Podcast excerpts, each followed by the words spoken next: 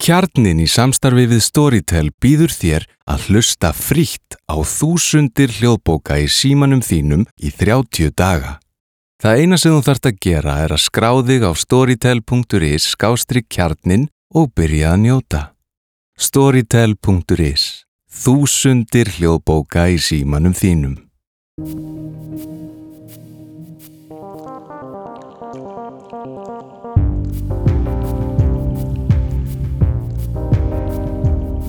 Góðan dag, kæru hlustundur. Verið hjartanlega velkomin í klikkið, hlaðvarp Hugaraps. Hér situr Auður Aksestóttir og viðmælandi minn í dag er Hjeðin Unsteinsson og ég hlakka mikið til að tala við hann og fá að nýta hans reynslu hér í dag af geðheilbriðsmálum. Hann er stefnumótuna sérfræðingur og ráðgjafi í geðheilbriðsmálum, varaformaður geðhjálpar og í raun og veru mikill hérna, með gríðarlega mikla reynslu úr þessu málaflokki sem að mér langar svona aðeins að fá að, að hérna, ræða við hann í dag um og hérna, velkomin hérðin Já, þakka þér kærlega fyrir. þakka fyrir að koma fyrsta svona spurningi mín uh, til þín hvernig svona líður þér í ástandinu núna? Mér líðnum bara alveg ágætlega, sko. Já, Já, já. já Ertu alveg að höndla daglega lífið og allt þetta sem að vera að reyna að hjálpa okkur með þessa já, dagana? Já, ég er nú alveg að gera það. Það er náttúrulega breyst svolítið svona, já, svona vanaminstrið og, og, og hegðunni núna í hérna þessu ástandi, en jú, jú, þetta er Mm aðalega að segja þessu bara. Ertu með einhverja góða daglega rútínu? Já, já, maður mað reynir alltaf að hafa rútínu, Mm en já, ég fer bara að vinna núna 2-3 dagar viku og svo er ég bara að vinna heima við. Já, en já, maður reynir alltaf að sinna hugleyslu og, og reyfingu og svona alltaf bara svefn og næring og, og reynir svona að vera góðu við aðra í kringum þó maður vera að halda þeim í tveikjum metra fjarlag segðu. Hvar er, er þinn vinnustæði núna? Ég tók mér sko tveggjar á leifi úr fórsættisröndinni, ég er búin að vera þar í tíu ár Mm og tók mér svo tveggjar á leifi og fór upp í ráðgjafa fyrir ekki kapasent og, og verð þar allavega fram á haust sko, þannig að ég er búin að vera þar í tæp tvö ár Aha, áhugavert. Þa, það nýtist væntalega þín reynsla mjög vel.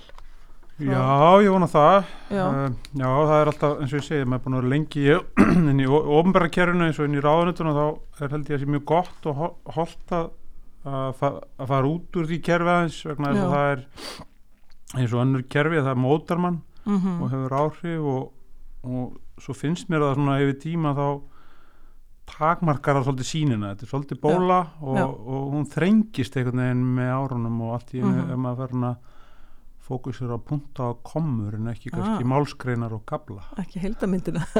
ef maður ráða Já. til að missa svo kannski svolítið yfir ja, þannig laga, það er svolítið lokað kerfi myndi ég að segja Já, svona 700 aðilum sem vinna í framkvæmdavaldinni hjá stjórnaráðunni er hérna að því að þú hefur nú oft tjáði í ræðu og riti hérðin um geðheilbriðsmálin, bæði erlendis og hér heima þetta. mm og, og hérna uh, hvað finnst þér svona eins og ef við tökum bara aðeins, ef við klárum stöðun eins og hún er í dag, það sem að við stöndum frammi fyrir þessari miklu COVID áskorun hvað finnst þér við svona, finnst þér við vera að gera réttu hlutina eða hvað eru við stödd varðandi svona geðhilbrísmálin, finnst þér? Já, sko, mér finnst ég alveg vera að bregðast harrétt við svona út frá kannski þessu sótt varna sjóna mig með mínu takmarka þekkingu sem ég hef þar. Já, en ég held að áskorunin í geðelbriðsmálum muni bara fylgja höstinu já þá svona Ah, eftir á. Já, svona eftir á þannig að það sem stjórnund geta gert núna er bara að undirbúa höstið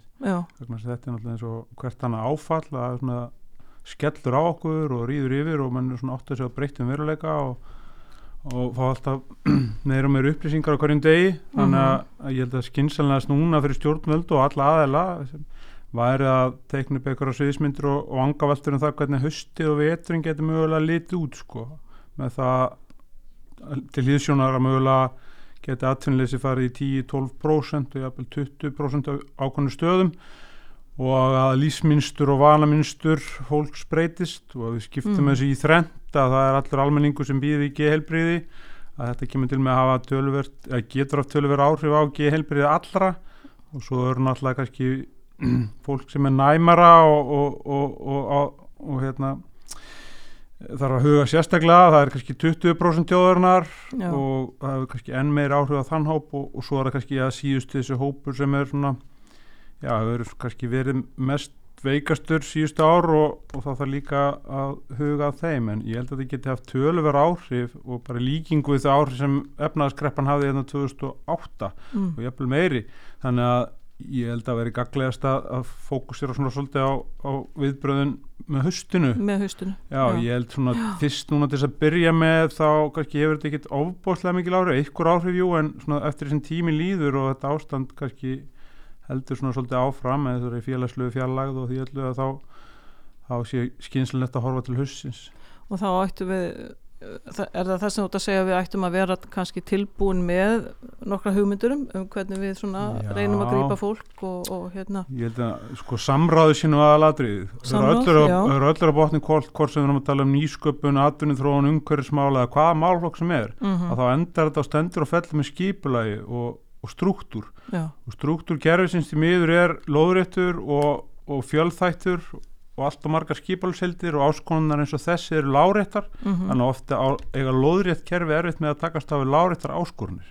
Þannig Já. að ég held að að huga að sko samhæfingu og, og það að kerfin funkar einhvern veginn saman með já, alltaf náttúrulega en sérstaklega eins og með, með haustinu. Mm og þá horfum maður til svona þessar úrræði sem við beittum hann eða stjórnund beittu 2009 og það er til dæmis eins og að endurveikja velferðavaktina kannski með Já, breyttum formerkjum eða hvað Mm. er, þar var allavega gríðalega gott samráð og, og menn stiltu vel sama strengi bæði heilbriðis og félagsmálum. Já, og, og það eru svona hlutir að, að hugsa svona aðeins um struktúral pælingar fyrir haustið. Myndur segja að þessi ráðuneyti tvö svona, sem að auðvitað snertir þetta öll ráðuneyti en eins og félags og heilbriðis að þau ættu svona að taka höndun saman auðvitað í þessu máli væntalega að sjálfsögðu, Já. þau eru náttúrulega aðskilin en þau eru samt í sama húsi. Mm og þetta er náttúrulega, hér búum við ekki við fjölskipa stjórnald en eins og í Svíþjóð til dæmis tekur ríkistjórnir þar að 20.000 ákvarðanir sameiginlega á ríkistjórnafundum á hverju ári. Já, hér er ekki því fyrir að fara en, en eftir, því meira sem stjórnald getur tekið sameiginlegar ákvarðanir og unnið betur saman og meira því, því betra sko. Mm þannig að velferðarvaktin var fyrirtags fyrirkomulega á sínum tíma og það er spurning hvort að mætti einhvern veginn endurveikja hana eða ég held hún sé ennþá starfandi en allavega að virkja hana með, með höstinu já. En hér og nú þá þarna mm, hittust við á, á fundi upp í ráðuneyti þar sem við verðum að kortleggja svona hvað er verið að gera núna akkurat Já, eins og hjá geðhjálp og, og hugarafli og fara yfir þá stöðu og hvað er verið að gera á landsbítalannum og, og svona fyrir einstaklingar sem að er að kljást við geðrannan vanda. Já, já. uh, það er svona allavega tilhörn til að taka landslæði núna Já, og taka ákvarðanir núna en, en þú ert að tala um hausti sem ég held að sé mist. mjög góð góð ábending. Já, líka bara einhvern veginn að fá þessi kerfa okkur til þess að funkar það. Er svona áhugjefni líka, ég velti svolítið fyrir mér hvort að til dæmis frjálsfélaga samtöku eða sinna heilbriðisjónustu já, og við erum að sjá núna í þriðja tilvikið fyrst var að hvergeri, svo er að Reykjalundur og nú verðist allt þeirra upp í lofti á S.A.A. og, mm og það er svo mikilvægt að, að svona úrræði virki á tímum sem þessum þannig að já, að, að leysast stjórnum þurfa að leita og róa því öllum árum núna í vor og sumar einhvern veginn að að kerfa okkar verið sæmilega funksjonalt með haustinu. En hvað er skynsanlegast að því þú nefni þessa uh, þessi dæmi sem hafa nú sannlega verið uh, mikil átök í kringum? Hvað er skynsanlegast í því heldur að endur skoða Já, bara ég sko, þegar ég var inn í heilbriðisrandum 2008 þá feldi heilbriðisraður úr gildi reglugerð sem snýri til þess að Reykjalundi já, og það, hún hvað á um aðkomu ríkisins að, Reykj, að stjórn Reykjalundar. Mhm, þannig að ég velti því svona fyrir mér ef að heilbriðis yfirvöld ætla að fá frjálsfélaga samtök til þess að sinna heilbriðisjónstu já, sem er náttúrulega ekkert sjálf gefið ef Nei. þú ert í uh, hagsmunageslu sem félagasamtök hvernig getur þú þá veitt þjónustu fyrir skjólstæðingaðina og líka varið hagsmunið þeirra? Mhm. þá ertu komið bá með borðið þannig að þetta er alltaf umhugsunar efni já, en ef á að gera þetta, ef að stjórnund ætla að, láta frjálsfélagasamtök sinna hluta að þjónustunni þá finnst mér alveg eðlilegt að endur skoða hvort að vera þetta að setja þá reglugjör upp á nýtt að ríkisvaldið eða ráðandi einfallega ætti fulltrúa í stjórn bara sem svona öryggisvendil svo að, að Mm. því að það er nú oft þannig að stjórn frjálsa félagsamtaka er öðrum lögumálum bundið heldur en kannski enga hlutafélaga Mhm. eða ríkistofnana og það verðist vera svona meira já, svona bruna hætta Já, hjá meiri. frálsum félagasamtökum. Þannig að það var ein leið að skoða það en ég veist bara einhvern veginn stjórnum til að svara þessari spurningu hvort er alltaf að halda áfram að láta fél, frjáls félagasamtök sinna líkil helbriðsjónustu mhm. Og ef svo er, hvernig er alltaf það? Útfærað Já, og það er gríðarlega, sko, ef maður hugsaði um þess að tvo staði, til dæmis Reykjavík og S.A. þá er gríðarlega mikið svona brautriðenda starf sem hefur átt í stað í ára tugi og, og mikið framlag til samfélagsins en eins og þú ert að benda á, svo er það hinn hliðin uh, gengur það alltaf upp og, og, og eru fyrir geta hlutinni farið í upplausn eins og við sjáum Já, núna. mér finnst það bara ekki bóði að þjónustu sem er að stæðstum hluta borgu fyrir almanna fjö líði fyrir eitthvað svona Nei. upplaup og Nei. samskipta erleika og vesen sko. akkurat akkurat e, ef við snúum okkur aftur hérna að geðheilsunni sem er svona okkar beggja hugðarefni kannski Mhm. uh, uh, og þú gafst út bók hérna Vertu Úlfur Já, árið 2015 sem að ég heyri reglulega hérinn af, af lesendum sem að eru mjög ánæði með þessa bók og finnst þú bæði upplýsa mjög og svo ertu svona mjög persónlegur í bókinni líka. Upplýsir um kerfið, hvernig það virkar fyrir þig á þessum tíma og hvernig svona hvað við getum lært af þessu uh, hvernig þvingun lítur út hvernig þú svona greinir frá sögunni. Það, og ég man eftir því sjálf sko þegar ég las hana. Hmm. að hérna, ég las hana svona bara uh, á þess að stoppa Mhm. þú veist, hún virkar einhvern veginn Mhm. þannig og ég vissi að hún hefur heyrt það áður já er svona hvað, hvernig svona hvað gerðist í kjölfarið og þú gefur út þessa bók, finnst þér eitthvað svona margir sem koma til þín og, og Já, já, ég sko þetta voru uppalega 200 annars vegar var þetta bara saga mm Mhm. -hmm. mín saga þetta fyrir mig að ég tók 5-6 ári að skrifa söguna já, og það var bara svona karþasis aha. Það var svona meðferð bara, eða ok. hreinsuna Já. því að það var ekki bara það að ég hafði upplifað sko geðrof eða manju og, og, og svo breytti ég manjun í bókinni í eitthvað myndlíkingar ferðalag með tungli að því að óumdénlega nú fyrsta orða á íslensku við geðsíki tunglsíki mhm, og, og fyrsta orða á ennsku er lúna eða lunatikk eða geðsjúklingur og allt tengt tunglinu. Mhm og varulfurinn er tengdur dúlmil og úlfurinn líka þannig að fyrir mér þá breytti ég mani í sögunni í sko í hamskipti. Aha, þar að segja já, maður já, tækja á sig hamskipti. Já, já, og, og það var rauði þráðurinn í sögunni. Mhm, og þannig að ég er að normalisera það sem flestum finnst óeðlilegt ástand. Skilur við, þannig að ég er einhvern veginn að normalisera það og myndgera það og, og svona, já, breyta því í, í svona, já, sögu og þannig að þau skrif voru svona hreinsun að segja, og svo náttúrulega bætist ofan að þetta, sko, þetta ofbeldi þar að segja vera Já. nöðungavistar og tekin gegn vilja sínum, þannig að ég þurfti einhvern veginn að skrifa mig frá því Mhm. einhvern veginn, og svo þetta uppgjör við kerfið í gegnum umbósmann alþingis og já, það já, saman akkurat. og svo bætist við þetta annað handrit sem voru þessi lífsor 14 af því ég gert ekkert svipað með, eins og með geðurinn 10 að að reyna að draga eitthvað lærdóm þá Mhm. af þessu ferðalagi sem gæti þá gagnast fleirum þannig Já. að svo bara eru þessi hand, tvö handrit svoðin saman í, í eina heild sem er í bókinni og það sem gerðist í kjölfari var að að sama dag hún kom út og þá fór ég í, í kastljósvital og greindi frá þessu prinsipmáli sem er það að uh, ofinbæra stopnunir og aðalega sem vinna fyrir ofinbært fjö get ekki neitað fólki um meðferð eða Mm. hvaða þjónustu sem það er á grundvelli skoðana þeirra. Þar að segja að þú skrifaðir þrjár harðarað greinar í morgunblaðið um mentakerfið og kæmið svo að því að tveim vikur síðar að þá er siniðinum útíst úr skólanum Já, vegna skoðana þeirra. Og það er náttúrulega bara, þú getur ekki. yfirfært þetta hvað sem er í ofnbærakerfinu þú greiðir skatta en þú hefur skoðanir mhm, en svo að grundveldi skoðana þeirna er þið neitað um ofnbæra þjónustu. Já, og þetta var prinsipmáli sem umbóðsmaður tók á. Þannig að, að hérna að ég, já, við rættum þetta hann í kastljósinu og strax í kjölfar og gríðarlega viðbröð við því viðtali, ekkit endilega bara gehelbriðis, Nei, þetta er bara íbúar og borg, íbúar í samfélaginu segir, heyrðu, já þetta er alveg rétt, það Mm. gengur ekki upp að ég borga skattana mína og hef svo skoðun eða einhverju þjónustu sem er ofinbæra veiti mér já, að mér sé mismunað í þjónustunni að ég hef skoðunni sem ekki hérna, Já, er í nákvæmlega. falli í kramið hjá kerfinu. Mhm, þannig að þetta var svona prinsipmálið. Og það voru gríðarlega viðbröð við því fyrst, sko, eftir þetta viðtal og eftir að bókin kom út, alveg óbúslega viðbröð og, og svo, en í kjölfæri svona til lengri tíma að þá voru líka mikið viðbröð bara við sögunni. Mhm, og, og, og, og hérna, já þannig að og í kjölfari já, fór ég að held eitthvað fyrirlestur eitthvað svona en, en svo hefur bara einhvern veginn bókin uh, og sagan svolítið, lifað og hann gefur hún til kilju setna og svo kom hún á hljóðbók og svo var hún þýtti vera á færisku kom hún í færum, svo var hún þýtti vera á ensku reyndar ekki komin ennþá út þar mhm. þannig að já, hún lifði og sagan lifði einhvern veginn svona áfram og lifir enn, alveg og, reynd já, já, gerir það og, Já. og, og, svo núna bara eins og ég sagði ráðan fyrir nokkrum vikum síðan var ég að- skrifa undir samning við þjóðlíkusið og, og nú ætlar hún Unnur Ösp Stefansdóttir og Rafnildur Hagalín og fleiri að, að hérna, útbúi einhvers konar leikgerð úr þessu verki sem að Mm. verður þannig bara þeirra sköpun og þeirra, já, já.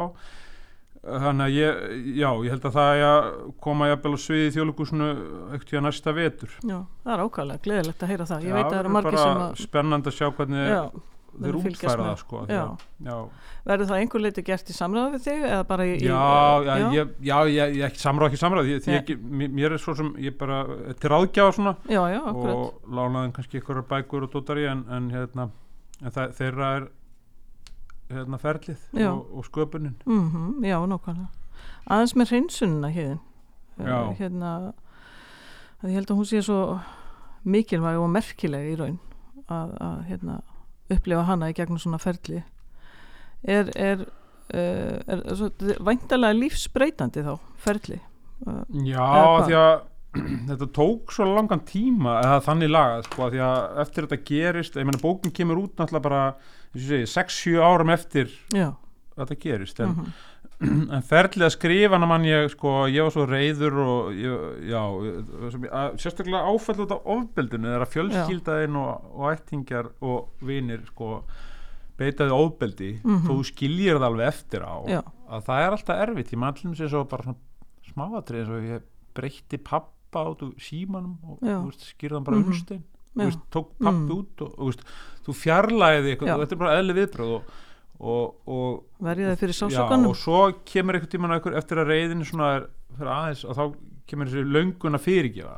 Og hérna og hvernig fyrirgefur þú ef þú ert ekki beðin fyrirgefingar mhm, og þetta en það svona svolítið að að að rísa upp fyrir sjálfan þig og segja já, ég get nú alveg fyrirgefið þó ég sé ekki beðin já, þannig að þú Akkurat. fyrirgefur í hjartaðinu og það tók svolítið tíma það ferli allt saman mhm, að fyrirgefa það þó maður kannski var ekki sáttur við hvernig það hefði verið staða að málum þá gæti maður kannski sínt í skilning að af hverju aðeins hafði bröðust við eins og þið bröðust við. Já, og, og það tók alveg svolítið tíma. En svo fór ég að skrifa og fór, fyrst var voru mikið reyði og, og hérna, ég Mm. man að ég skrifaði bókina í þremur fösum. Fyrsti fæs sem var í þriðju personu þannig að ég byrjaði Ah, sko fjærst mm, já, byrjaði sko hann og hann og hann og hann og hann svo fór ég aðra personu já, og þá þú mhm, og svo á lokum komst ég í fyrstu personu þannig að Já. ég gat ekki byrjað að skrifa í fyrstu personu svolítið magnað ferli. Já, það er að því að það, það var bara of og sársökuvöld að, að- að því að eftir veikindin og eftir eitthvað smá endurhengu þá fór ég strax aftur í vinnuna og það tók langan tíma einhvern veginn að ná dampi aftur og, mhm, og hérna en aðalatrið eins og margt annað í lífinu var einhvern veginn bara að halda áfram. Já, að stoppa ekki sko. Já. Og já, eiga reynsluna en láta hann ekki stoppa því já bara halda áfram í þjáningunni sko, þó Já, að maður þjáist þá getur maður samt sem áður sko sint svona lámarks eða bara þess að halda hlutum við að, Mhm. að, að stoppa ekki, að gefast bara leggjast ekki rúm bara, Já. gefast alveg upp og í raun og veru þá að, að, eins og segir að viðkenna þjáninguna og halda áfram þrátt fyrir hana já, já, og svolítið að bara kvíla í henni Mm. og treysta því einhvern veginn að, að hún líði hjá Já. en bara halda áfram dag, dag og auðvitað treysta meðferðraðalum og, og vinum og, og öllu því sem jákvætt er vegna þess Mhm. að svo á endanum einhvern veginn kennst maður út úr þessari þvoku og, og svo ef maður horfður tilbaka þá já, brosi maður svona að þessu en, en, Mhm. en hérna, partur af þessu var einmitt þessi, voru þessi skrif já, að, hérna, að skrifa með, með maður er ennþá í, í þjáningu og, og það sem ég hef alltaf búið að það er að ég mundi svo ótrúlega margt sem hefði gerst sko í, í þessu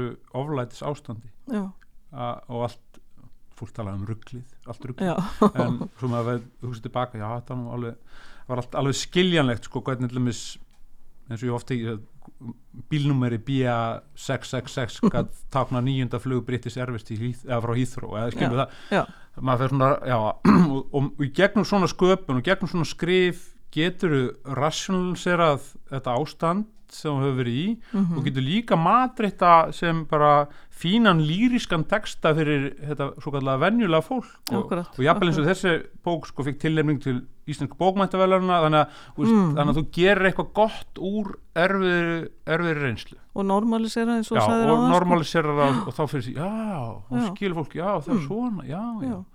Og svo tók ég sérstaklega eftir því að það voru ofbúrslega margir að þessu svo kallega venjulega fólki sem ég held að sé bara ekki til. Að, að, að fólk sem kom til mín og, og, og, og, samsinti sko þessum hugsanarferðlum ok, skilur þú, ég hef oft upplega já, skilur þú, þó að það meinar ekki farið alveg út í Mm, öfgar að þá einhvern veginn sannfærist maður enn frekar um það að hvað við eigum svona þessa grunn hugsun og pæl eða hvað, þetta er, hvað við hefum miklu meira sameilit heldur en skilur okkur frákortu en einhvern veginn er búin að greiningakerfi bara búið að skilgrinn okkur öll bara í einhverja sitt hvort ráttirnar og menn Já. verða já ég er geðkló eða ég er þetta já, og ég, nákvæmlega. sem menn alltaf verða aldrei er Mm. bara manneskjur í grunninn.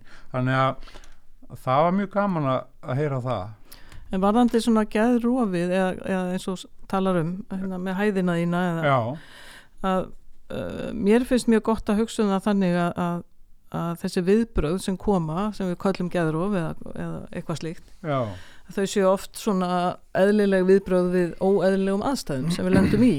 Og, og hérna og við getum öll farið ángað veist, en, en vegna og mikils álags eða streitu eða hvað, hvað það er sem að kemur áföll um, finnst þér þú að því þú saði líka með minnið að maður mann svo vel já, og það er svolítið mín reynsla líka að ef að geðrófið er tekið einhvern veginn á eðlilegan máta þá, þá er það svo skýrt hvað að verður mikil opnun í raun og veru á marga þætti þó það séu líka kannski eitthvað óheðbundin hegðun eða hvað það er sem við kallum það en það verður líka svo mikil opnun í huganum og, og margt sem að kannski, hvað segir maður kristalliserast í gegnum eða þú veist, eða það er svona merk, hefur svo þunga merkingu oft finnst mér, eða mikla þýðingu öllu heldur Já, já, það getur gert það en sko, þessi he heilin okkar er alltaf stórmerkild fyrirbyrð sem við erum svo sem ekki alveg að byrja að skilja Nei, nei. og við, þannig flesti sem við ekki það við vitum einhvern veginn voðalega lítið þó við séum meðvituð um það að séu 5HT, serotonin viðtæki þarna og þetta Já. var og það, da, da, da, og endalist og við vitum svo lítið mm -hmm. en það sem einkennist náttúrulega, jú, í, í byrtingamind geðrósins eða hæð maníunar að það, sko það er ákveðið sko maður missa alltaf vissa stjórn sko. Jú, jú, fyrsta ákveðið. lagi að- hérna kvatalífi vera mjög stjórnlaust og, og, og, og, og það er ímislega sem brýst fram sem kannski hefði ekki brotist fram hefði maður ekki verið í ástandinu einmitt sem er okkur skiljalent þegar að þú, hlakkar svo mikið til að vakna að það tekur ekki að fara að sofa og það er svo gaman að vera til og þar fram til göttunum og svo hættur að sofa og, Mhm. og, og missir svolítið bara já, en ég upplýði hins vegar eins og ég kannski reyna að skýra í, í bókinni getum svona forneskjulegar metafórur eins og hérna, hamskipti og eitthvað svona að, að það er svona ákveðnið þættir sem koma upp. Ég Mhm. man að ég til mér tengdist mjög stert sko áum mínum mm og upplifði skilabóða handan Já, og já. það var, þetta var spiritual reynsla já, umfram allt, hún var andleg. Mm en sko, og þess vegna finnst mér stundum eins og okkar viðbröð það er að segja viðbröð geðheilbriðs kerfisins þau passi ekki alveg við oft upplifuna því að þau eru já, þau eru svona frekar bara já, stundur svolítið brútal eins og, eins og þvingun og nauðung og annað slíkt og mér er oft fundist eins og að kerfið gefur sér ekki næðan tíma til þess að skilja hvað er hvað er mikil andleg reynsla Já, og hvað er í raun og veru í gangi hjá einstaklingum. Mm og það vantar hefur mér fundið svona, svona meira húmanískari nálgun inn í kerfið það kerfið. hefur bara einfallega ekki tími að standa í þessu sko. Nei En hvað heldur þú að, að sko, ég er að velta fyrir mér að því að með, við erum svo snögg eins og þú sagðir áðan, við erum svo snögg að sjúkdómsgreina, við erum svolítið snögg að flokka fólk og, og það getur verið annað áfall fyrir manneski sem að er, er að gangi gegnum þjáningu að vera síðan flokkuð einhver staðar. Um, og nú hefur þú talað mikið fyrir uh, að við gætum verið meira hérna, mannúleg við gætum verið persónlegri inn í kerfinu hvað væri svona, hvernig hefur að gera þetta hér? Já, hann Lítil spurning, það, ég hérna, veit það. Mér finnst bara einhvern veginn eins og að, með að við búum við þetta þessar nálgun á greiningakerfin okkar þar sem DSM-5 núna og ICD-10 Já, að þá hérna, erum við alltaf að tjekka í bóksin sko og meðhundla knippi af einkennum. Mhm, í staðan fyrir manneskjur. Auðvitað er það ekki algilt, það er fullt af fólki hérna inn í kerfinu, jafnvel í landsbytalum og við sem er mjög empatist og humanist og, og Já. tekur kannski öðruvísi á málum en, en áður en en mér hefur alltaf fundist að valdið er bara svo rosalega mikið í þessu, bæði í greiningakerfinu sjálfum mhm, og hvernig greiningakerfið fara að stýra allri þjónustu við já þjónustu þegana og ekki bara í heilbrískerfinu heldur Nei, líka bara allstað, það er einhvern veginn það þarf að tikka í eitthvað boks til þess að fá þjónustu, þá þarftu að, að vera að, að, að því að einstaklingurinn er svo miklu miklu meira heldur en bara eitthvað knippi af enginn okkur, og, og hérna þannig að mér fyrir eins og þér sjálfri fundist vanta einhverju leiti sko eitthvað svona alternatífa nálgun eða alternatífa Já. meðferð. Mm. af því að það er svo einfalt að, að vinna með einstaklinga bara út frá ADHD greiningu eða þú veist bara út frá greiningunum. Mhm, þannig að, en, en, en það er bara eitthvað sem er ekki komið til en það verður hins vegar að segjast eins og ég er að það að gæðlæknisfræði náttúrulega er að mínu viti sko ofbáslega erfið af því að mhm, hún byggir ekki á neinum hlutlægum hlutlæri nálgun, það er engin blóðpröða þvápröða röngamind, það er ekki, engin hlutlæg gögn sem liggja til grundvallar þegar einst sérfræðingurinn ákvarðar greiningu sína nei, Það er einungis huglagt mat á einkennum sem viðfangið eða sjúklingurinn sýnir já, og, og það ger þessi fræði svo snúin eins og við höfum svo sem rætt áður að, mm, að ef við skoðum bara horfum 50 ára aftur inn í tíman og veltum fyrir okkur hvernig við fram við hérna Rosemary Kennedy, sýstir hérna John F. Kennedy Já. þegar hún fæðist og því miður uh, býður hjúkurnafræðingurinn alltaf lengi með að, að taka á móti barnina því hún vill að læknir sé viðstattur fæðinguna og mm, hún verður fyrir súrumniskaða og, og, og skadast í fæðingu og verður ekki alveg fúli fem eða það svona kerir ekki alveg öllum vendlum eftir fæðingu. Nei, og í kjölfarið sko er hún nánast tvítu og þá er uh, faðurinn hennar svo hrættur um það þegar hann sendir hann í burt í skóla að einhverjir ungir menn fara að notfara sér hana. Hann ákveður að senda hann í framheilanám til Walter Friedman og já, hún beið þess aldrei bætur og endaði í hjólastóli í, á hæli í Wisconsin. Eða þú veist, þegar áfall. skoða 50 ára til tíma sko insulín koma meðferðina framheilanámið og allar Já. þessar aðferðir sem voru beitt á þá er ég samfæra um það að eftir 50 ár þegar afkomendur okkar líta tilbaka þá munið þeir hristi jafn mikið hausin og við gerum nú yfir þeim aðferðum og því sem við erum að beita í dag. Já, þannig að þess vegna er þess, er þessi fræði svo tilvílunarkend oft og, og, og það er engin endanlega laust og maður Mhm. finnur það líka á þjónustæðalum á geðlagnum að þeir eru svona hafa mismöðandi nálgun og mismöðandi skoðanir mhm, og, og, og, og það verður að segjast líka eins og þeirra innan kerfisins sko finnast alveg aðilar sem eru mjög opnir fyrir, fyrir hérna nýsköpun og breytingum og, og svona já, aukni, aukinni mannúð í, í kerfinu. En það sem maður hefur hins vegar bara áhyggjur af er þetta sko, af hverju er það að að, að, að, að örku þegar vegna geðraskana við fjölga um tæp 200% á þrjá, síðustu 30 árum í Íslandi á sama tíma á þjóðinu við fjölga um 43% já, en á sama tíma að við, að við heyrum miklar framfærir í meðferð við geðsjúkdómum. En jú, þeim hefur fjölgað, eru konur hátt í 600 greininga núna.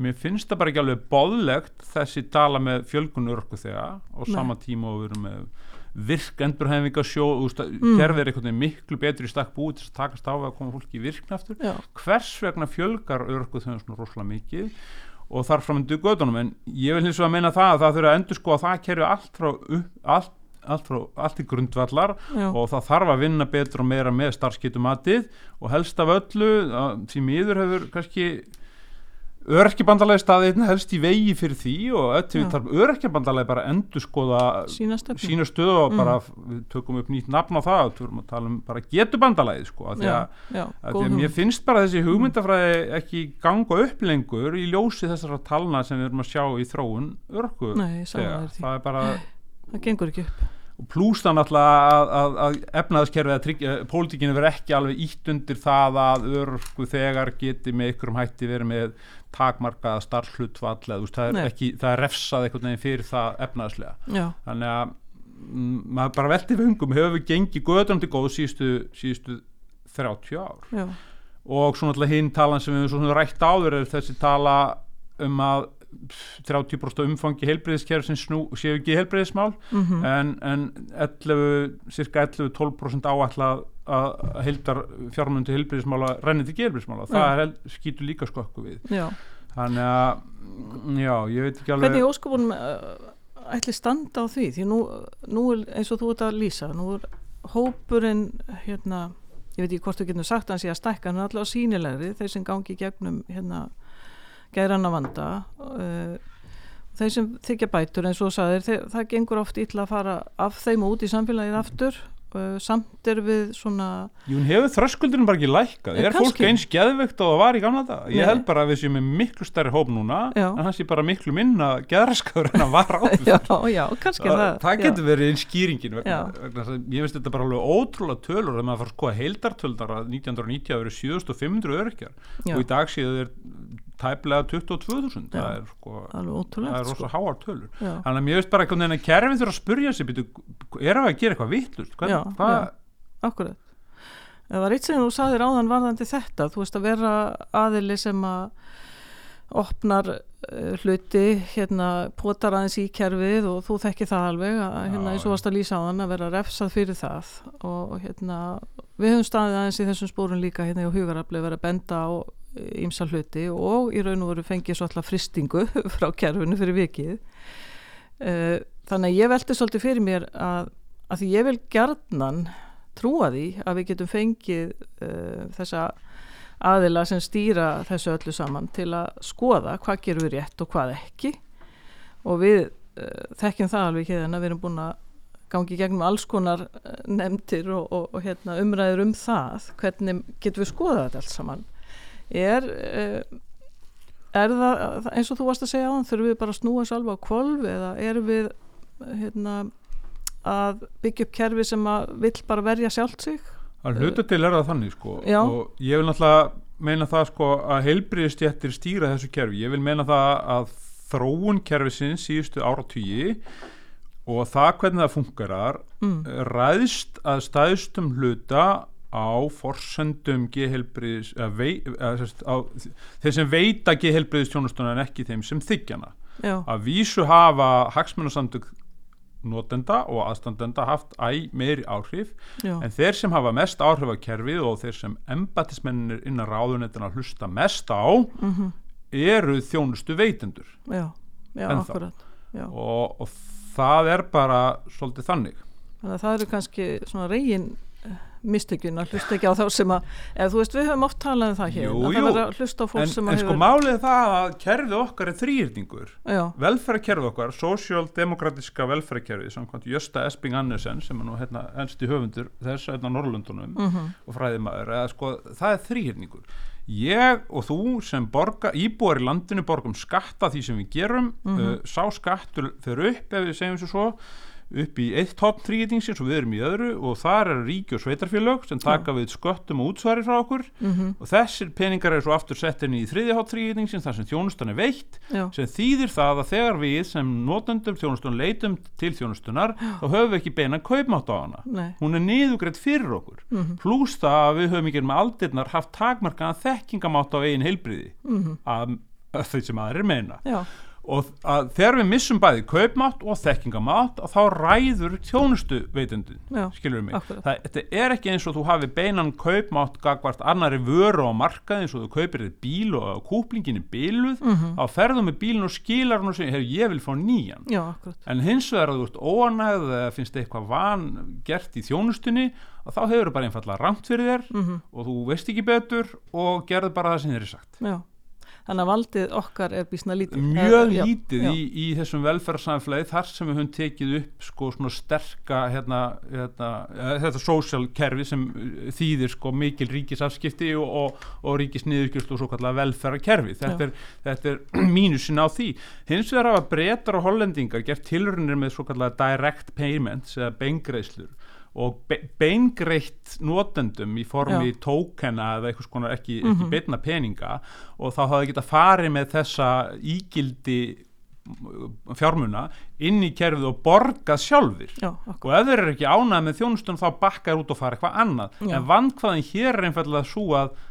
það er ekkert svo margir aðri staðir sem hún getur farið á já, þannig að svona það, kerfi já. gæti kannski ekki alveg funkara hér að því að það er ekki, við erum bara einfallega og sama svari við öllum spurningum á Íslandi er þrjár miljónir, það er einfallega bara að það vantar þrjár miljónir hérna, já, við erum já, ekki nógu stór krítisku massi. Við erum svo fá.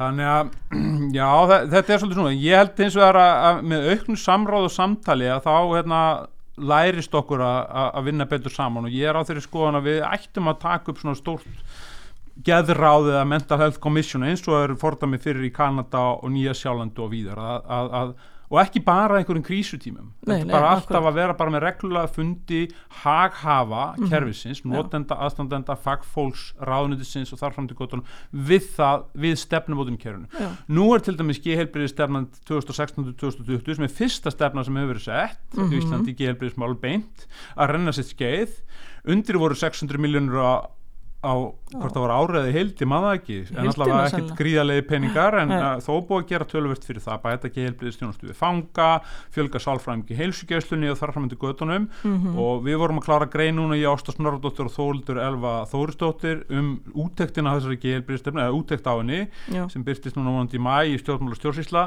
Og, og hérna og nú er einhvern veginn lag fyrir stjórnvöld í, að gefnum þessum tímum sem við búum á og líka bara til að hugsta fram í framtíðina nálgast kostninga líka að endur skoða þessa stefnun og, og, gefa verulega í sko Já. varandi fjármunni og, og, og tala ekki um það þegar að hún er endur skoðun að vinna hana þá í, í, í þver, þvert á alla haghafa Mhm. Að allir koma að þessu. Og mannst nú hvernig þetta var síðast það var jú þáttaka en, en það má kannski gera betur, enn betur núna. En þurfum við ekki líka því þú varst að benda til dæmis á örorkuna á þann og, og svo er meðferðar leiðum fjölgað og samt fjölgar öryrkjum. Þurfum við ekki líka bara inn í taka inn í stefnuna svona meiri háttar endurskoðuna því ég, mér fannst hún svona dansa svolítið á yfirborðinu þessi stefna og, og hérna kannski ekki taka beinlins á Nei, hún fór ekkert í einhverja kerfislega breytingar Nei. ég hins vegar almennt séð. Uh, Naomi Klein skrifaði bók 2009 held ég um sem heitir The Shock Doctrine. Mm, og hún fjallar um þetta að þegar áföll gangi yfir heiminn eins og núna já, og ef að kerfin eru leir mhm, og ef að kerfin eru yfirleitt hörð og harður leir þá er erfitt að breyta þeim. Þú er svolítið svo olíuskip, er þetta að snúa þeim, er þetta að breyta þeim hafa áhrif á þau. Mhm, en þegar sjokk gangi yfir og þá mýkist þessi leir allir upp. Og Ah, nú já. er klárlega tækifæri og það eru fjölmörg dæmi þess. Já, til dæmis er að fellmyrinn gekk við Louisiana, Katarína á sín tíma þá breyttu yfirvöldi Louisiana öllu mentakerfinu Já. það tók bara enginn eftir því fyrir 5-6 mánuðu setna Nei, skilur það, það er klárlega tækifæri hjá stjórnvöldum að breyta miklu núna á svona tímum. Mhm, þannig að auðvitað ætti geðhelbriðstefnun að taka á fleiru heldur en bara ákvörðunum það hvað að setja mikla peningi að fylga þessu Já, eða bæta já. þetta eða hvað það er. Og, og, og, og það eru klárlega tækifæri til þess. Ég held bara að svona samráð og samstarfi notendur, aðstandendur og aðra aðila verði og ég er ekki að segja að það hafi einungis verið tókinist og hinga til en Nei, það nei. þarf að vera aðeins viða meira og, og, og þess vegna held ég að, að svona geðráð til lengri tíma var ekkit svo vittlus hugmynd þar sem að allir haghafar koma sama með reglulegu millibili mm, og við þurftum einhvern veginn að geta, ég veit ekki hvort ég er að endur taka mig, við þurftum að geta gert það þannig að allir sem koma að borðinu séu tilbúinu til þess að líta innan við og skoða sig, af því ég hef svolítið upplifað að, að hérna, það sé ekki beinlýnins þannig og þess vegna séum við alltaf að fara í ringi og hérna og, og jáfnvel að skelli lás og verja eitthvað sem Já, að hann dónýtt jáfvel Ég held þó að það hefði nú margt breyst. Ég man bara Já. eftir í fyrst sko, eftir að ég við gáum út bækling 1995 um geðkvörf Mhm. við skrifum saman ég og heitin, Snorri heitin Ingimarsson. Já, og svo fekk ég símryggingu frá frangatustjóra geðhjálpar hvort ég geti koma og tala með hann á fyrirlestri í framhaldsskólanum hérna, já, ármúla já, og ég segi já já og þetta er í fyrsta sinn sem ég, sem ég talaði svona Mhm. ég held ég hef gert það búinlega þúsund sinnu síðar Já. og eftir það, núna, ég byrjaði þetta 95 já. og þegar við fórum upp í fjörmynd ármúla það var yndislega maður Ingo Lingolson frá Höfðsfyrir Geðalbar og maður snöttur honum. Já, og hérna hann fer fyrst sko þetta, að- maður þetta er gömlu glæruvörpunum. Þetta var svona gammalt já. glær og hann var að setja glærur á og kasta svona upp og, og hann var að fara yfir félag og reksturinn og eitthvað Mm. svona.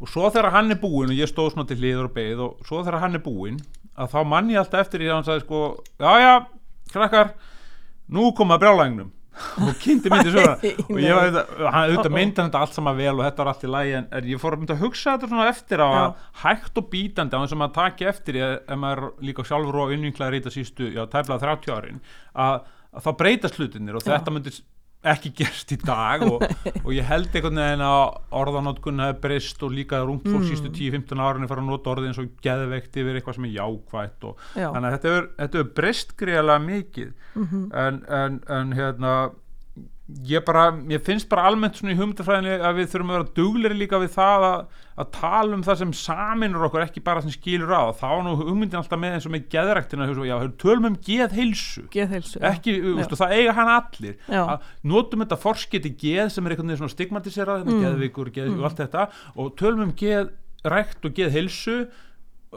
sem allir getur nýtt sér. Já, og það var svona uh, pælingin út, út hvernig það kviknaði allt saman bara út frá þessu orði mental health promotion. Já, að því að heilbriðiskerfin okkar eru náttúrulega bara í þessum fimm ferðningum lengst til hægri er heilsefling svo í næsta kassa koma forvarnir. Mhm, og þetta eru þeir tveir kassa sem minnst fer í, í Já, kerfin okkar. Já, nákvæmlega. 1,23% kannski. Já, svo í miðjunni kemur snemskoðun mhm, maðuravend og ungbarnavend og það allt saman og svo kemur stórikassin og það er meðferð. Það er með og svo kemur stórkass líka sem er endurhæfing. En Mhm. meðfrakassin og endurhæfingkassin þetta eru kassar sem taka bara 97-8% af öllum útgjöldu heilbríðismála Já, og þá spyrir maður þessi búið við heilbríðiskerfi eða veikendikerfi og það, Já, það er þessi oxymoron og þessi refkvör og þessu og, og þess vegna finnst mér stundum að við þurfum að gefa heilsu og heilsu eflingu meira vægi en það eru bara svo miklu peningar í veikindum og það er einhvern veginn vandinn sko, Já, að, að já. það er svo miklu hagsmunir Já. í veikindum, Mhm. þarna, og það eru hagsmunir mjög marga sem flesti séu veikir en er ljótt að segja en, en þannig er það bara. Og, og þannig að þetta er svona já, þetta er svolítið snúið En hvað með lifin? Hvernig, já, hérna, ég veit ekki hvað við erum að er gera að gera í því? sko, lifi upp að vissu marki eins og við gerðskunum eru hérna nöðsynli og, og, og, og ég verið að stúdera náttúrulega mikið sögu litjums Ok, sem ég fannst aldrei vera líf þetta er náttúrulega bara frumefni Svona- og gott að taka frumefni er já, já, já, já, þetta er bara eins og að taka játtöflur frumefni og en, en sko en, en ég veist eins og að við hafa farið svolítið overboard sko, veist, ég hef náttúrulega, ég nota ímis lifi gennum tíðina mhm, en, en hérna, mér finnst mjög margir vera á mjög mörgum livjum Já. og bara einhvern veginn ótrúlegt að fyrstu viðbröð skulle alltaf vera heyrðu, prófa þetta, prófa Já. þetta. Og þetta er svona, svona tilrömstar sem er prófa, prófa, prófa og kannski virkar þetta kannski, svo er aukaverkanda, svo er þetta. Og mm, mér finnst þetta bara svolítið svolítið snúið þegar að ég held líka að bati frá geðröskun sé bara alls ekkit 100% sko líf sko, ég, það er svo ekki. margt sem spilar Nei, inn í. það, það er einstaklingsþroskin og það er allskins þættir sem, sem hjálpa til mataræði og svefn og allt þetta. Mhm, og við einhvern veginn uh, okkur innrætt það einhvern veginn svolítið í félagsmótun og skilirðinga af þessu samfélagi og þessum veruleika sem við búum við hérna á Vesturlöndum þessum ég veruleika að sko pillan sé bara já, það er bara svarið og. Og, og placebo áhrifin mjög sterk náttúrulega. En, en, en, en mér finnst bara, já, mér finnst og, og í ofríkumæli vera þetta alltaf vera fyrsti kostur. Ég viðkynni það vel að í geðrofi og akút ástandi þá er mjög gott að geta gripið til hérna taugahamlandi lifja Já, þau eru alls ekkert góð eins og haldól er ekki gott Nei, lif nei. það er bara afar slæmt lif Já. það virkar mjög vel fyrir þann sem beitir því mhm, en fyrir þann sem tekur það er alls ekki gott að fungera á haldói þess vegna er, eh, eru þessi nýju lif náttúrulega eins og, og Sýbrexa og fleira mun æskilegri en ég vil hins vegar meina að þessi beitt kannski of lengi stundum og, og, hérna, og það með bara líka hugsa sig með, með balanseningalifin eins og lagmítal og, og fleira og litjum og og fleiri uh, velta fyrir sig hvort séu ómikið notuð. Og svo finnst mér klárlega að, að, að þunglindislifin, ég veit bara ekki úst, hversu virk þau eru lengur. Þau, jú, þau virka en, en þess vegna er ég á því að næsta framfara bylgja verði notkun vitundavíkandi efna. Það Mhm. bara blasir við öllu sem að les núna ok, að það er eitthvað sem, sem koma skal og, og þó að, að Nixon á counterkultúrun á sínum tíma hafi drepið allar þessar tilrunir en það er, er, er, Roland Griffith í John Hopkins tekur það aftur upp í kringu 2000 með leifi frá Food and Drug Administration í Bandrækjunum já, og svo í kjölfari fylgir Imperial College í Breitlandi og, og síðan þá hefur þetta bara vaksið og, og, og, og nú segja mér þessir fjárfæstar og fleiri sem er í þessum lífaransóknum að þessi 23 ári í það að liv með sílósípinni og öðrum vitundavíkandi efnum í einhverjum mikrosköntum eða hvernig sem það verður verði komin á, á markað og þið ætlaði að varpa ljós á þetta Já, við ætlum að gera það hérna og vonandi Geðhjálp. öll í, í saminningu uh, 22. oktober þá ætlum við að fá hingað til lands hérna hann Dr. Robin Carrot Harris uh, sérfræðingur á Imperial College í London sem hefur stýrt rannsóknunu þar núna í nokkuð lengi Mhm. og hann ætlar að fjalla um þetta og, og Hardur Ellensson ætlar að tjá sig líka og, og, og fleiri. Ok, þannig að við viljum allavega hefja þessa umræðu. Ég meina að það, það verði enga framfær nema með tilrunum og menn með ekki grafa s- höfuðið svo djúpt í sandin að, að, að við náum því ekki upp sko. Og, og hugurinn er alltaf bestur eins og ég sá ekkert tíminn hún getild, það var skiltinn hún getild sem mynda þessari fallegu fallíf mm. og svo stóð fyrir neðan virsta- virkar best þegar hann er þegar og það er eins með fallífina sko. akkurat, þannig að, þannig að við viljum bara hvetja til opinar umræðu því þetta eru rannsóknir sem eru að vera að vinna allt sko Mm. algjörlega í hérna, FDA að- lífa eftirlýðsins í bandaríkjunum og víðar og, og ég veit til þess að þeir sem prófað hafa og, og, og, og, og hérna, nýtt og prófa þessar lausnir að þetta virkað mjög vel þannig að Ok. við skulum bara sjá hvort að Sjá þetta geti ekki orðið enn eitt vopnið í, í Mm. vopnabúrið Mhm. og, og, og, og bæst, bæst þá, þá við það sem fyrir er ég var að velta fyrir mér áðan hérna að því að sko nú erum við búin að setja svona alls konar heimsmet og, og í þessari lifjanótkun og þú varst að benda á áðan að við notum kannski of mikið og of lengi sem að ég get ekki annað en verið mjög sammála því og, en, en svo tölum við líka um smæðina okkar, erum lítil þjóð uh, væri einhver möguleiki að sjá þetta svona á annan hátt að akkurat að því við erum svo fá að við gætum faktist hleyft inn fleiri leiðum og við hefðum svo mikla möguleika nú erum við með fyrirmynd frá Finnlandi þar sem fólki hjálpaði gegnum geður of ánlifja stundum Ég held að við getum gert Þú þetta veist. miklu ríkara mæli og núna Já. síðast bara sko, ég, eins og ég segi, ég byggi mínar álíktanir á forsendum eigin reynslu og reynslu annar ég Já. hef ekki bynd og hef ekki haft fyrir fram eitthvað tíma tölur frá livjastofnun eða, Nei. jú, ég hef, ég, hef, ég hef skoðað tölur um þróun tunglindislifi tökku og allt, skilur en, en ég er ekki að byggja þá álíktin mína um það að, að mögulega séu við að gefa of mikið og of lengi ég Nei. byggi það einungis bara á eigin mati út frá eigin reynslu og reynslu annara okay. svo það sé komið nú bara fram sko. Mhm. en, en, en ég held við getum sko, að, svo vikja spurningunni, ég held við getum gert svo margt hérna sem pílot sko, Já, sem tilrunnaverkefni já, sem eiga sem land sem lítið samfélag klárlega þegar kemur þessu klárlega að reyna hérna að fara með fólki gegnum veikindi uh, jafnvel livjalaust eða með mínimum aðkomu livja eða Mhm. jafnvel livjalaust skilur já, já, sem tilraunaverkefni. Annað sem við getum gert að við erum búin að vera að klíma við sko hérna samning saminu þjóðun réttindi fallara sem er Já, samtur 2007 og, og hérna við breytum lögræðislögunum okkar 2015 mm og töluver réttarbót sem fólst í því. Og núna nýlega var verið að ljúka vinnu að reglugjert til þess að fylgja þeirri lagabreitingu eftir á vegum helbriðisrándisins og helbriðisáðara hefur núna þessa reglugjert til skoðunar hún er ekki samþygt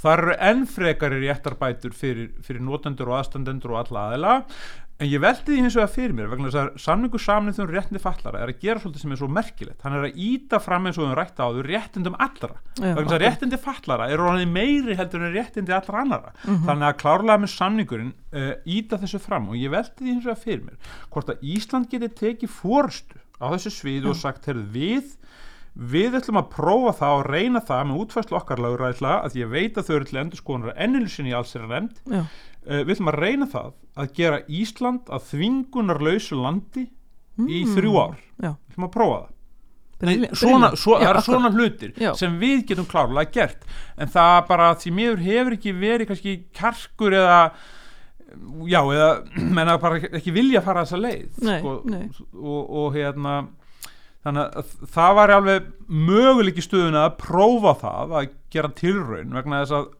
öll valdbettingi byggist náttúrulega á, á skadalögumáli John Stuart Mills sem segir bara það hvert síðað samfélag hefur þann rétt að svifta einstakling frelsi sínu Mhm. ef viðkomandi er hættulegu sjálfum sér eða öðrum Já, en byrju hver metur það Já. hvenar einstaklingur er hættul, hættulegu sjálfum sér eða öðrum Já. þetta er svo gríðarlega valdheimild sem, sem medicinska Rosalega. kelfinu er fólkin já, og, og, og hérna með þessari reyndar með þessari nýju reglugerð er svolítið verið að setja hömlur á það en, en þessar þrjár tegundir sviftinga þessar 72 tímarnir uh, svona nöðingavistunum 21 dag og svo sjálfræðarsvifting til lengri tíma Mhm. hefur öll meira minna verið á forræði forræði geðalagninga til þannig að, að það er ekkit óhugsandi að, að, að, að gera svona tillög, tilraun einmitt til þess að, að, að innleiða samning samnið þjóðan réttindi fallara sem í 12. grein að með minnir kveður á um bara bann við þingari hérna, meðferð.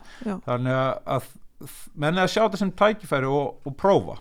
Hvernig tókst okkur með uh, úrbætunar síðast af, á lögræðislögunum? Sko svona... það var, urðu breytingar á lögunum. Kannski stæðsta breytingin sem þýtti að ég vil meina mest fyrir nótendur og aðstandendur var svo að við, við teljum okkur eða við, að ég var þá hann í fórstisrándi hafa aukið sko lífsgæði einstaklinga með því að taka fyrir það að fjölskylda og ættingjar þurfti Já, að kvitta upp á nöðingaustununa Mhm. við breytum þannig að það eru félagsmálaugjöföldi hverju sveitafélag sem þurfa að kvitt upp á það þannig að Já. það, þú sem móður Mm. þurftir ekki að skilu, þetta voru dæminn það að þetta hafi valdið sko lífskeiða skerðingu bæði aðstandand og notenda menn töluðu ekki saman svo áratöðun skipti eða hvað Já, það var já. þetta náðist í gegn aðra breytingar sem urðu fyrsta stigs sviftinga eða nöðungar eða, eða sérst fór úr 48 tími í 72 reyndar og, og það urðu ýmsa breytingar en, en það urðu réttarbætur fyrir notendur og aðstandu klála með, með lagabreitingunni Mhm. og það verða enn meiri réttarbætur eða þessi reglugjör verður lit í gildi hjá ráðandinu en svo er bara að býða að sjá hvort að alls er nefnd alltaf að ganga enn lengra Já. núna í sinni endur skoðun og, og leggja það til að, að þvingun verði bara bönnuð eða aflögð og, prófa það eitthvað tíma ég, það verður bara komið ljós gaman. Sko hérðin, ég held að, að ég þurfi eiginlega bara að semja við þig hér og nú um að þú komir aftur í hérna þátt af því að það er svo margt svona sem við erum búin að þreyfa á hérna og, og þú ert hafsjóra upplýsingum og reynslu. Já, við erum þá að segja fleiri brandara líka að segja fleiri brandara, vera pínu skemmtilegri. Það ekki vera fræðilegt en svona í lokin, langar mig svona þú ert varaformaði geðhjálpar. Já. um, hvað svona hverjar eru ykkar áherslur núna? Hvað er svona efst á baugi hjá ykkur? Já, við lögðum nú sko upp með, uh, ég man að síðasta heilbriðstingi þá innbyrðum við á einhverjum þrem, fjórum áherslum. Ég ætla jú, við, náttúrulega, það var mikil áhersla á þetta, klára þess að vinna með lögræðslögin sem tengist þvingun og því að þetta er bara svo það skilur eftir þessu svo oft svo mikið áfall og fólk er bara traumatiserað að reyna að gera upp sín mál sko áratöðum skiptir já, og þetta veldur svo miklu erfi, svona, Já. van, já, vanlíðan oft. Já, þannig að það var eitt af okkar líkil, líkil hérna málum. Mhm, og, og, og svo voru tvö þrjúanur ég það bara hérna bara þarf bara að rifja það upp og innbrá því það við stutt í hittumst aftur. aðalfund hjá ykkur líka og, Já, og það svona, er reyndar, við ætlum reyndar að held ég að frestunum til sko 16. mæ já, að því að það er búið að setja útgöngubann nei, hérna, samkómabann til út, út apríl. Þannig að það þarf að færa þetta fram í mæ og þeir eru kannski lifta líka er það ekki rétt hjá mér svona uh, prófíl sem hagsmuna félag að, að þú veist þeir eru svona Já, ég náttúrulega hlekkur byrjaði eiginlega strax eða svona óbeint í kjölfara því að við hættum þessari þjónustu, við rákum náttúrulega 13 sambíli fyrir langalöngu síðan já, sko. akkurat. Svo þegar því er hætt eins og mannst það var mikil, mikil læti og alfundur fluttustýður á Broadway og mannst ábygglega eftir því Já, og hérna, það var mikið fjör. En, en þá bara var þetta sjónamið að hagsmunningesli félag gæti ekki verið að veita þjónustu og svo ætlaði einstaklingur þannig, að, við kluðum okkur frá því og, fyrst, og við erum fyrst og síðast núna sko, hagsmunningesli félag og lobbyista samtök eða, já, hagsmunningesli félag en í aukin alltaf sinnum við þessari þessari, þessari hérna, ráðgjöf sem Mhm. við við höfum verið að auka núna á þessum tímum þegar viljum endilega reyna að létta ykkur af, af síma rauðakrossins og ykkur fleiri þannig að við erum að bæti í þar. Og, og hérna Já, og, og svo leggjum við bara svolítið upp úr svona efni sem snýrað helsuefling og forvörnum og, og að Mhm. breyta heimasíðunni og reyna að bæta svona viðmót og, og svo hérna við tekið upp líka nýju gott og mm, samstarfi við félög erlendis eins og Mental Health Europe, European Network of Users and Survivors og. UFAMI og, og svona ætlum að reyna að vera, vera þar sko framalega Já, og Akkurat. svo eru ímsar, ímsar, ímsar pælingar sem kannski koma betur ljós uh, eftir aðalfundin við erum svona svolítið stóra hugmynd í farvatninu sem ekki er hægt Ok. að tala um fyrir en eftir, eftir aðalfund spennandi. Eh, svona, nú erum við búin að, eins og ég sagði á hann, búin að fara bæði inn á persónlegu hliðina og svo kerfið og, og, og svona leiðbynningar. Er eitthvað sem þig langar að taka upp í lokin, eitthvað sem þið finnst að verðum að ræða hér og nú?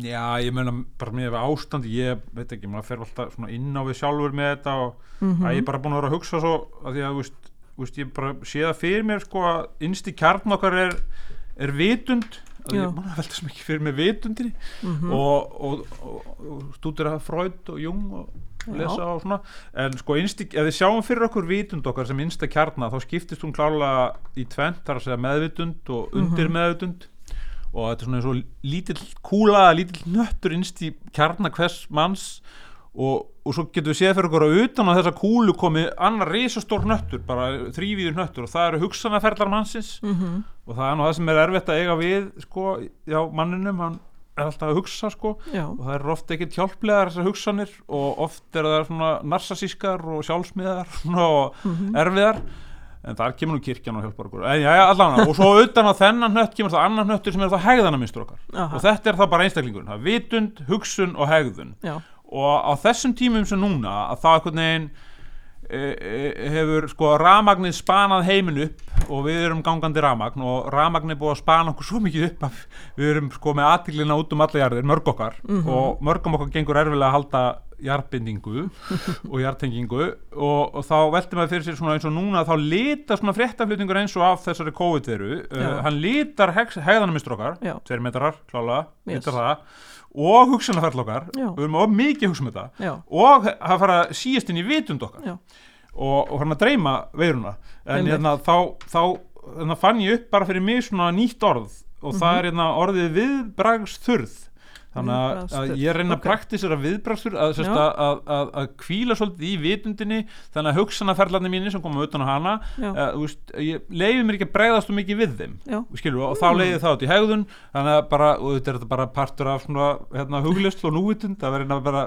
að leifa lífinu bara að bara flæða Já. bara ekki að bregðast og mikið við því vegna þess að við vitum alveg auður hvað gerist þegar maður fer að bregðast og mikið við það. og fer að hafa mjög skoðanir og Mhm. tala ekki um ef maður veit færa skoðanir sinni yfir aðra. Og fara að breyta öðrum. Já, og þá fer fyrsta sýrt í álinn. Þannig að ég svona sem stjórnsamur einstaklingur er reyna, ég er að reyna að klæða hersöðingja minn í Mhm. parta, partunum mínum. Ég á náttúrulega á marga parta en hersöðingin er klálega eitt parturinn og hann hefur hjálpað mér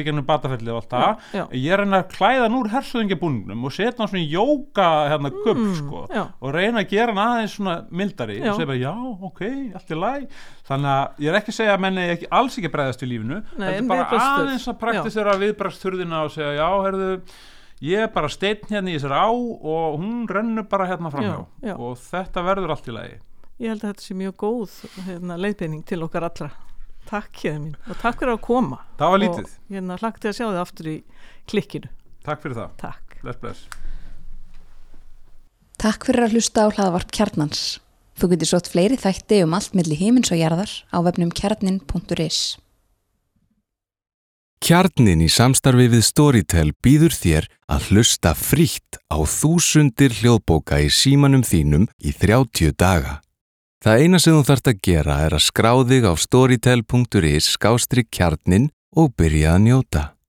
Storytel.is Þúsundir hljóðbóka í símanum þínum.